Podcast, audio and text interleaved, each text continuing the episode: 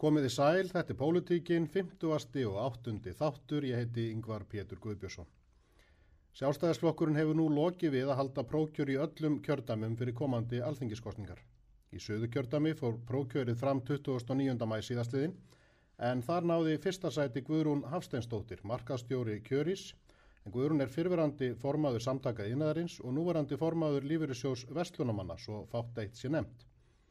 Guðrún kemur nýjinn í pólitíkina í vor og hún er gestur minn að þessu sinni. Vertu velkomin Guðrún. Takk fyrir það. Svona örstutt í byrjun, uh, af því að eins og ég sagði að þú ert nýj í pólitíkinni þó að margir þekkiðu þetta úr öðrum verkum. Hver er Guðrún Hafsteinsdóttir? Guðrún Hafsteinsdóttir er nú bara vennileg konu hveragerði.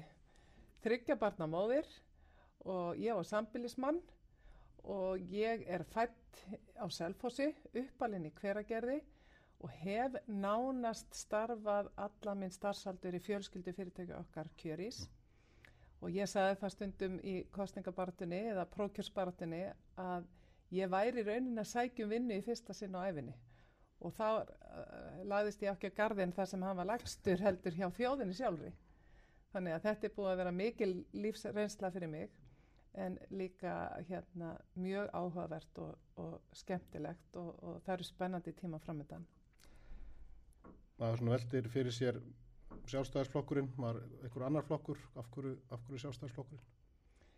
Uh, sjálfstæðarsflokkurinn hefur alltaf talað til mín mm. og uh, ég var 14 ára þegar ég starfaði í fyrsta sinn í, í, í hérna prókjusbaratu, það var fyrir Þorstein Pálsson þegar að Hann eh, gaf fyrst kost á sér í söðu kjördami.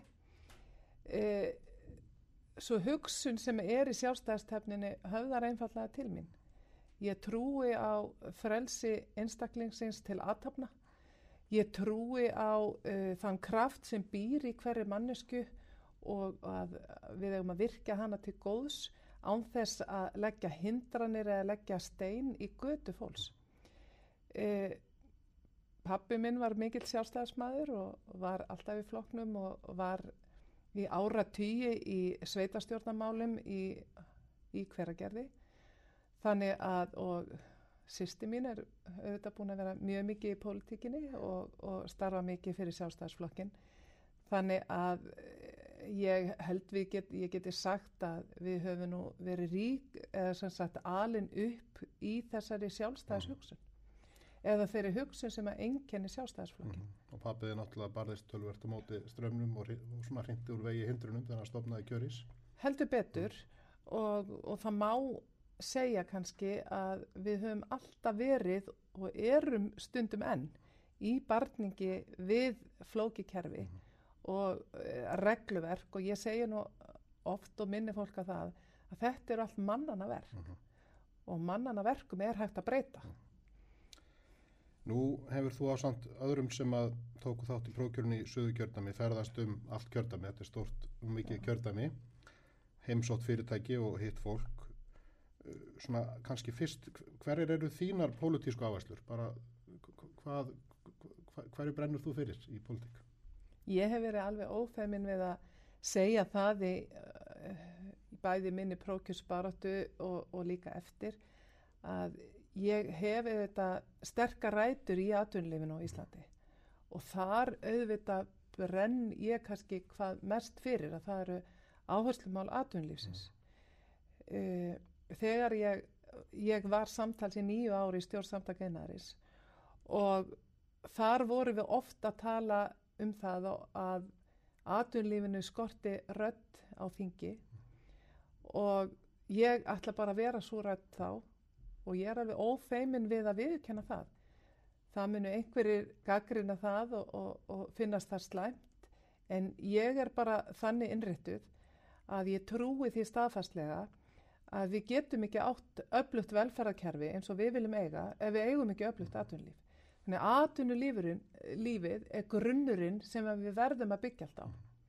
Þannig að ég mynd tala fyrir því en svo nefndi ég annað orð sem ég finnst fallegt sem er velferð mm. ég mun auðvitað líka berjast fyrir velferð íslitinga og við verðum að vera minnu þess að þó svo að, að ég sé fulltrúi söður kjördamis að þá er hver einasta manneskja sem er kosininn á þingi Ísleitinga, hún er fulltrúi Ísleitinga allara. Mhm. Þannig að e, ég, það verða auðvitað mín áherslumál, það eru atvinnumál en líka til uppbyggingar velferðar á Íslandi. En er þetta ekki órjúvanlegur hluti af hverju öðru? Algjörlega, algjörlega.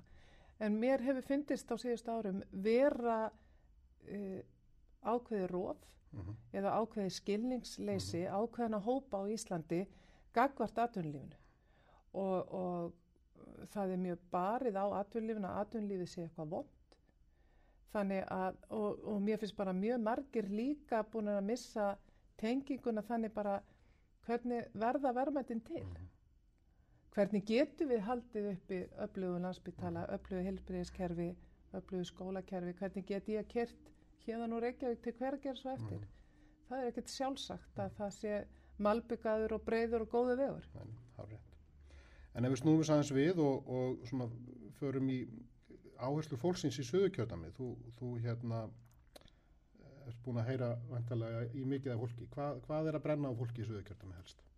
Þetta er náttúrulega stórkosleitt kjördami og þú ert nú sulitingur eins og ég og, og þegar maður fer um kjördamið allt saman alveg frá Garska eða, já, og austur í kvalneskriður að við eigum allt, við eigum allt í þessu kjördami og þó svo við séum ekki nema bara út á Reykjanesi að þá á Reykjanesi eiginlega, Reykjanesi er eins og mín í Ísland, þar er bara allt sem að, við eigum síðan í landinu öllu. Við eigum með þetta stórkostlega náttúruperlur, við framleiðum lungan af allir þeirri raforku sem tilverður á Íslandi, við eigum margvíslegan yðnað hátækni fyrirtæki og svo er Suðurland matarkista Íslands. Og, og mér sé að ég hafði ekki átt að með fyllilega á því heldur þegar ég fór í prókjumi hvað er síðan líka framleitt mikið af matalum út á Suðunissu. Mm -hmm. Þannig að tækifærin eru gríðarleg og það er okkar að grípa þau. Nú, uh, samtölu mínum við fólk út um allt í kjördaminu að þá held ég í upphafi allir myndu vilja tala við mig bara um atvinnumál. Sérstaklega vegna þess að út á Reykjanesi er yfir, já, millir 20-30% atvinnleysi, gríðarlega erfið staða. En það sem allir vildu ræða við mig, það voru helbreyðsmál. Alveg sama hvar ég kom. Númer eitt voru það helbreyðsmálinn, atvinnumálinn, samgöngumálinn og svo sérstaklega austan hellisegar að þá vildi fólk ræða háleitisfjókar eða, eða, já. Og þá uh, á móti honum eða... Já, Já, já, já. það er mjög mikil að a- andstæða austan hellisegar við hugmyndur um mið háleitisfjókar. Ef við tölum bara um heilbreyðismálin, uh, hvaða, sko, talum um fólk hafi, hafi talað mikið um, þau og eðlilegt, ég held að það þurfum við að vinna verk þar, en hvaða lausnum er fólk að kalla eftir og hvaða lausnir ser þú á vanda okkar í Suðurkjördami á heilbreyðismálin? Sko, fólk er ekki að kalla eftir neinu öðru en að það hafi jaft aðgengi heilbyrðistjónustu eins og bara fólk hér á Suðvestur hortinu, hér á stór höfuborgarsvæðinu. Það er ekki að kalla eftir neinu öðru. Og það er svo merkilegt til þess að vita að til dæmis við lítum á Reykjanesbæ og Suðunesin sem hluta af höfuborgarsvæðinu en þar er bara slæmt aðgengi að heilbyrðistjónustu og það er bara alvarleg staða. E, á síðustu tíu árum hefur íbúum þess svæðis fjölgað um 12.000 en það hefur valla verið bætt við stöðugildi á hilsugjæslunni. Þetta til þess myndi ekkit gerast inn einu fyrirtæki ef að veldan eikst og umsviðun aukast að þá þarftu að bæta við fólki eða þú, þú þarft að bregðast við með einhverjum hætti. Fólk er að kalla eftir því e, allstæri kjörtumum, til dæmis bara í Vestmanni. Þar er e, Það er til dæmis núna algjör fæðingarsprengja. Vestmanningar hafi verið duglegir við að búa til börn í COVID og, og ég held að sé von á um 60 börnum í Vestmanningum Vá. núna sem er gríðarlega mikið, mikil fjölgun. Eh, Það eru þetta óvasettalegt fyrir þær fjölskyldur sem þar búa að þurfa að fara með einhverja vikna fyrirvara upp á land til þess að býða eftir fæðingu bars og, og bæði er þetta kostnari fyrir með sér e, feðurnir þurfa að taka sér frí nú ef þú átt fyrir eldri börn þá þarf það að koma þeim fyrir og, og, og ef þau eru til dæmis e, e, ef þetta er á hérna yfir vetartíma þegar það er skólaskylda. Þannig að þetta er þetta gríðalegt óhagraði og kostnaður. Vestmannegingar kall eftir því að, að, að börnin þeirra geti fæðist í Vestmannegum nú bara ef við fyrum austar til dæmis á Hortnafjörð, ég hef náttúrulega sagt að Hortnafjörður er nú nánast eins og eiga þau auðvitað kall eftir því líka að geta sótt góða hilbriðstjónustu lausnin fælst í hef ég alltaf sagt við leysum ekki vanda hilbriðskerfisins á Íslandi í dag með því bara að fennja út hið ofinbera við leysum það engöngu með samspili, með samvinnu á milli engareksturs og ofurbessareksturs og takt eftir ég saði engarekstur, ég saði ekki engavæðing uh -huh. sem er allt annar hlutur. Uh -huh. Þannig að við verðum, þjóðin er að eldast, uh, eldri kynnslóðin, aldurspyramidin okkar, hann, það, hann er að verða mjög skakkur, það er að verða fleiri og fleiri sem verða á ellilíferi og færri og færri vinnandi sem muni þurfa að standa undir velferðarkerfunu. Landsbytalinn ræður ekki við stöðina eins og hann er í dag. Hvernig ætli við þá að, að, að leysa verkefni mm. morgundagsins næsta árs eða næstu tíu eða tuttu ára?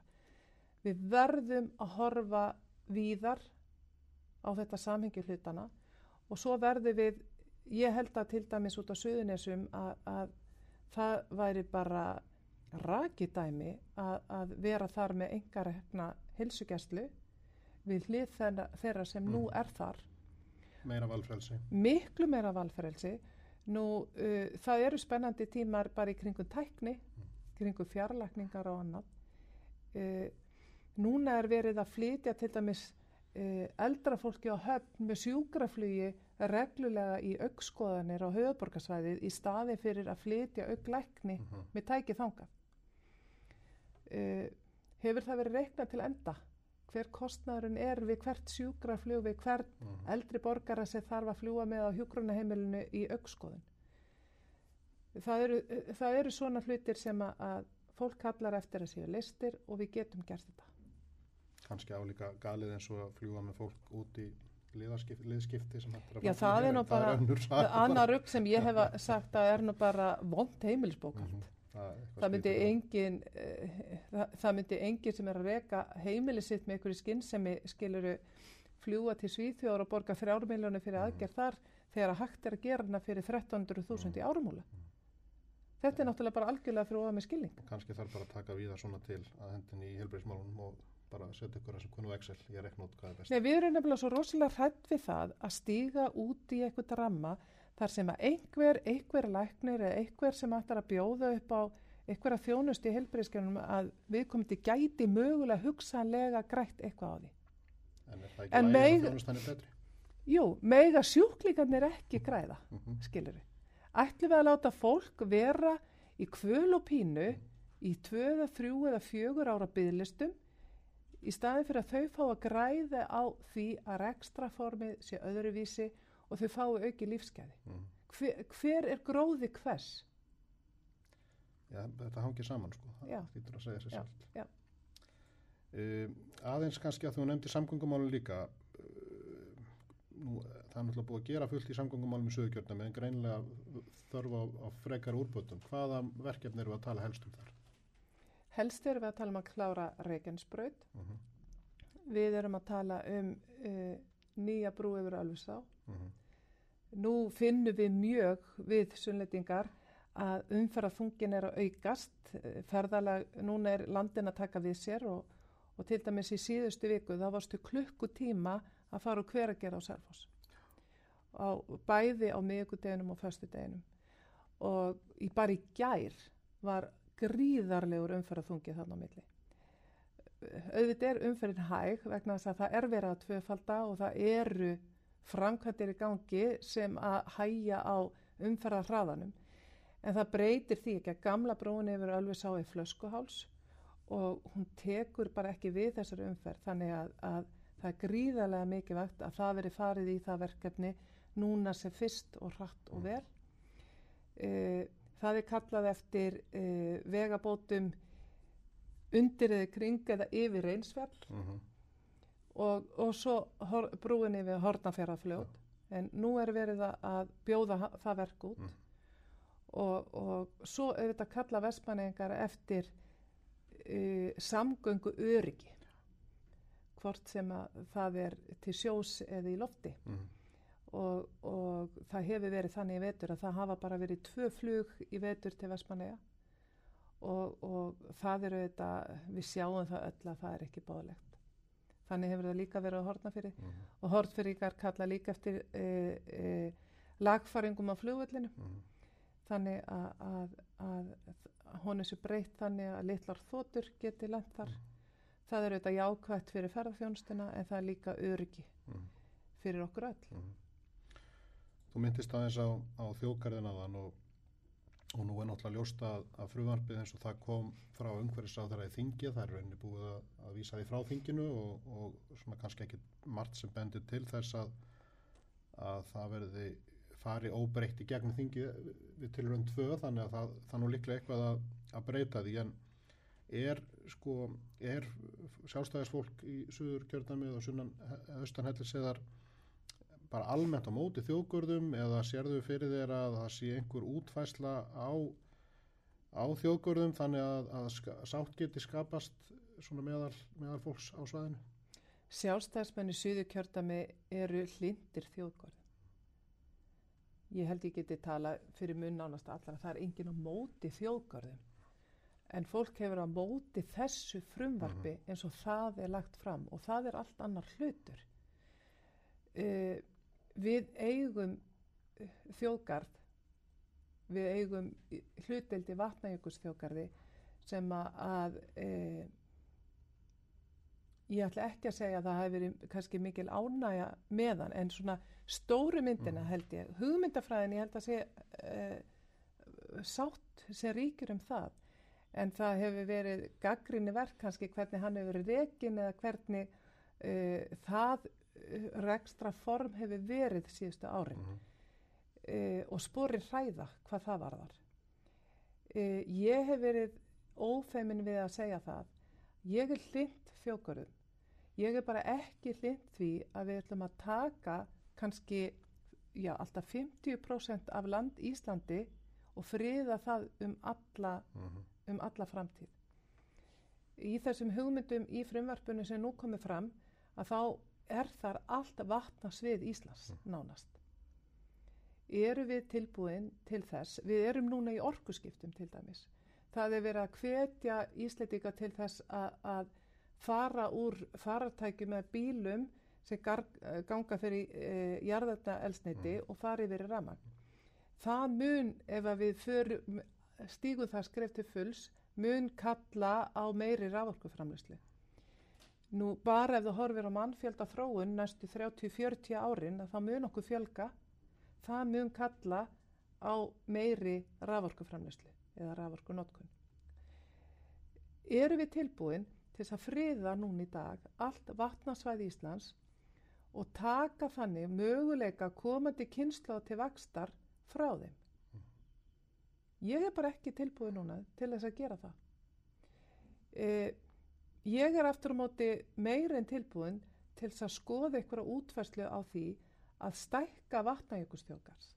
Við getum stækka hann til vesturs og að við förum í, í kannski þannig vinnu hvaða svæði eru hvað viðkvæmust, hvaða svæði telli við algjörlega nöðsin að friða með tilliti, já, og venda. Mhm. En mér fannst bara að vera ákveðin raukvilla í málflutningnum þegar við tölum um að við viljum friða landið en á sama tíma ætlum við að gera það einhvern veginn að mestu túrista paradís Evrópu. Í dag eru 3% ferðamanna sem koma til Íslands að þeir farin á hálendi Íslands. Þólir viðkvæma hálendi okkar 10% ferðamanna eða 15 eða 20%, við bara vitum það ekki. Nei, nei.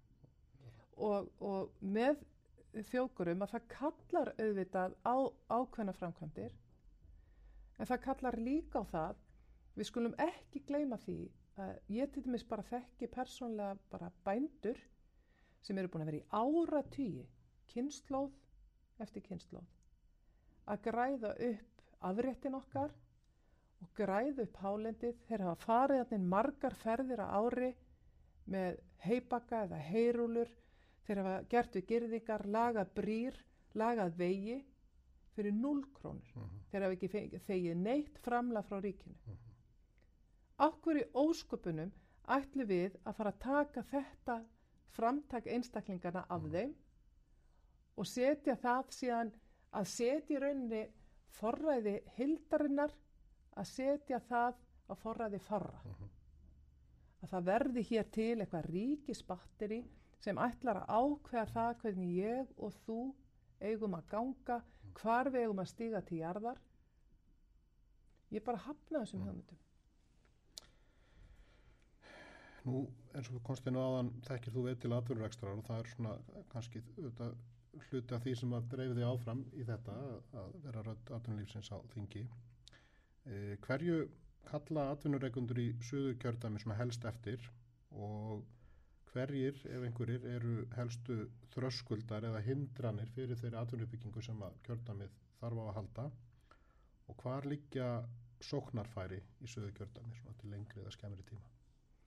Ég held að það sé alveg sama við hvað atvinnu reykanda þú ræðir að e, allir segja það sama. Mm. E, rekstrar umhverju fyrirtæki á Íslandi er bara þungt og eftirlitið er alltaf að verða meira og meira. Bara eins og í svona litlu fyrirtæki eins og mín fjölskylda rekur í hveragerði að við erum ekkert með svona þygt stjórnenda lag þannig að þegar að koma einhverja nýjar álögur eins og til dæmis bara núna persónavendastefna við erum ekkert að fara að ráða persónavenda fulltrúa í fullt starfi eða hálft starfi eða eitthvað slíkt við höfum bara gefna á því Mm -hmm.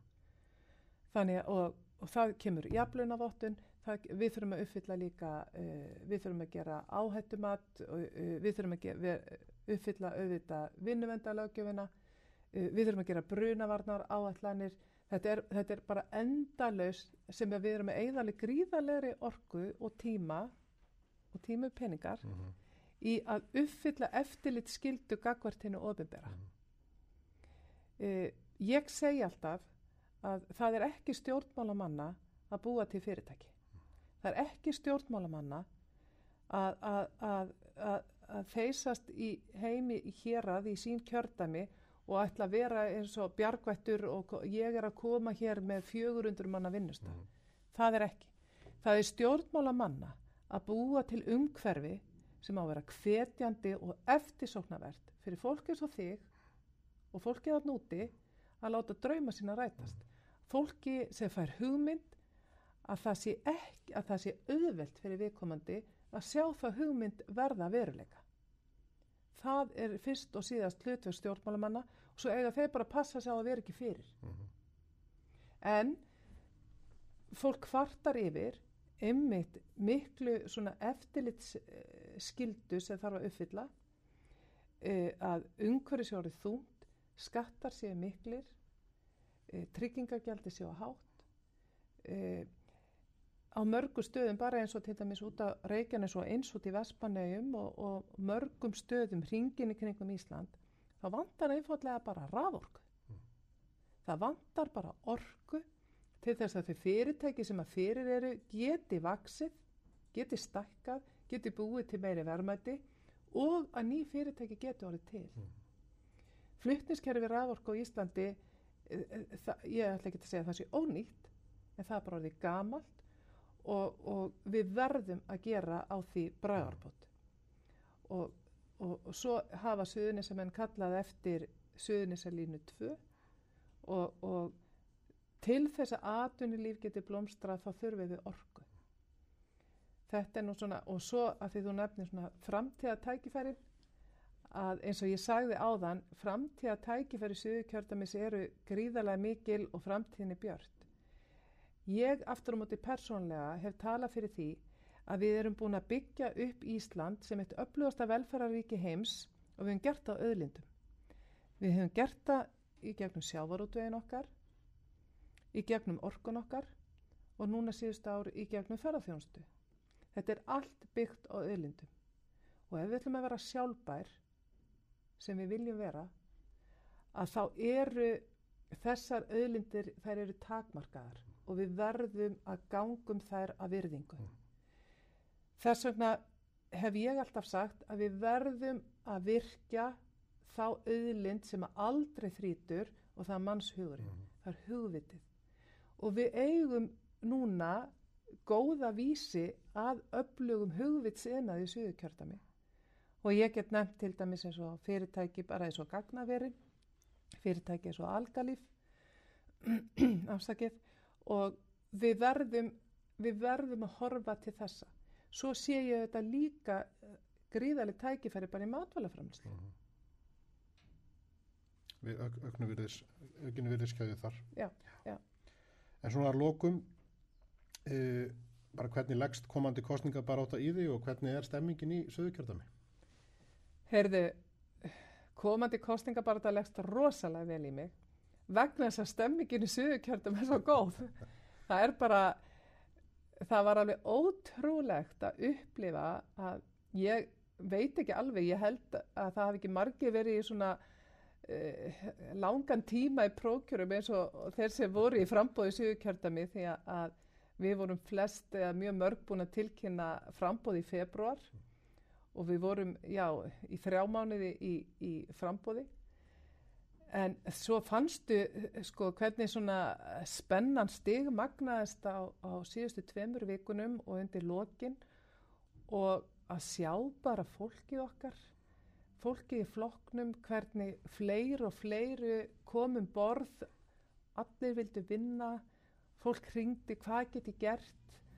Og, og allavega í, hérna, þar sem ég kom og hitti fólk að þar bara, það, gat, það voru eiginlega allir bara tilbúinu, getum við bara ekki kosið í næstu viku. Því að hérna, það var einhvern veginn bara búið að kveiki upp í vélinni og, og fólk var bara svo sannarlega til í að halda áfram inn í kostningabartu til þings.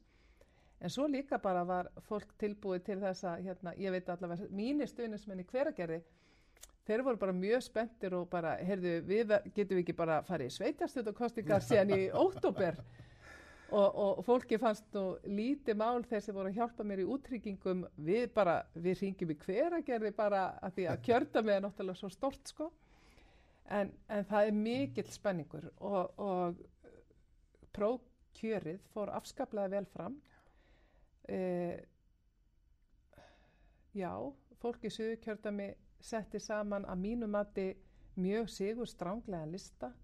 Hann er fjölbreyttur, uh, karlar og konur, ungir sem aldnir, fólk úr ýmsum kemum atunlífs og, og ég held að listin endurspegli mjög bara mannlýsflóruna sem er í kjördaminu og við erum bara afskaplega spennt. Við erum mjög spennt að, hefja þessa baráttu sem eru þetta hafinn og hérna og ég segi nú bara svo sónum minn segir stundum það er bara full ferð áfram og ekki tigg Við látum þetta held ég verða lokuðorðin full ferð áfram og ekki tigg í þessum 58. þætti politíkurinnar.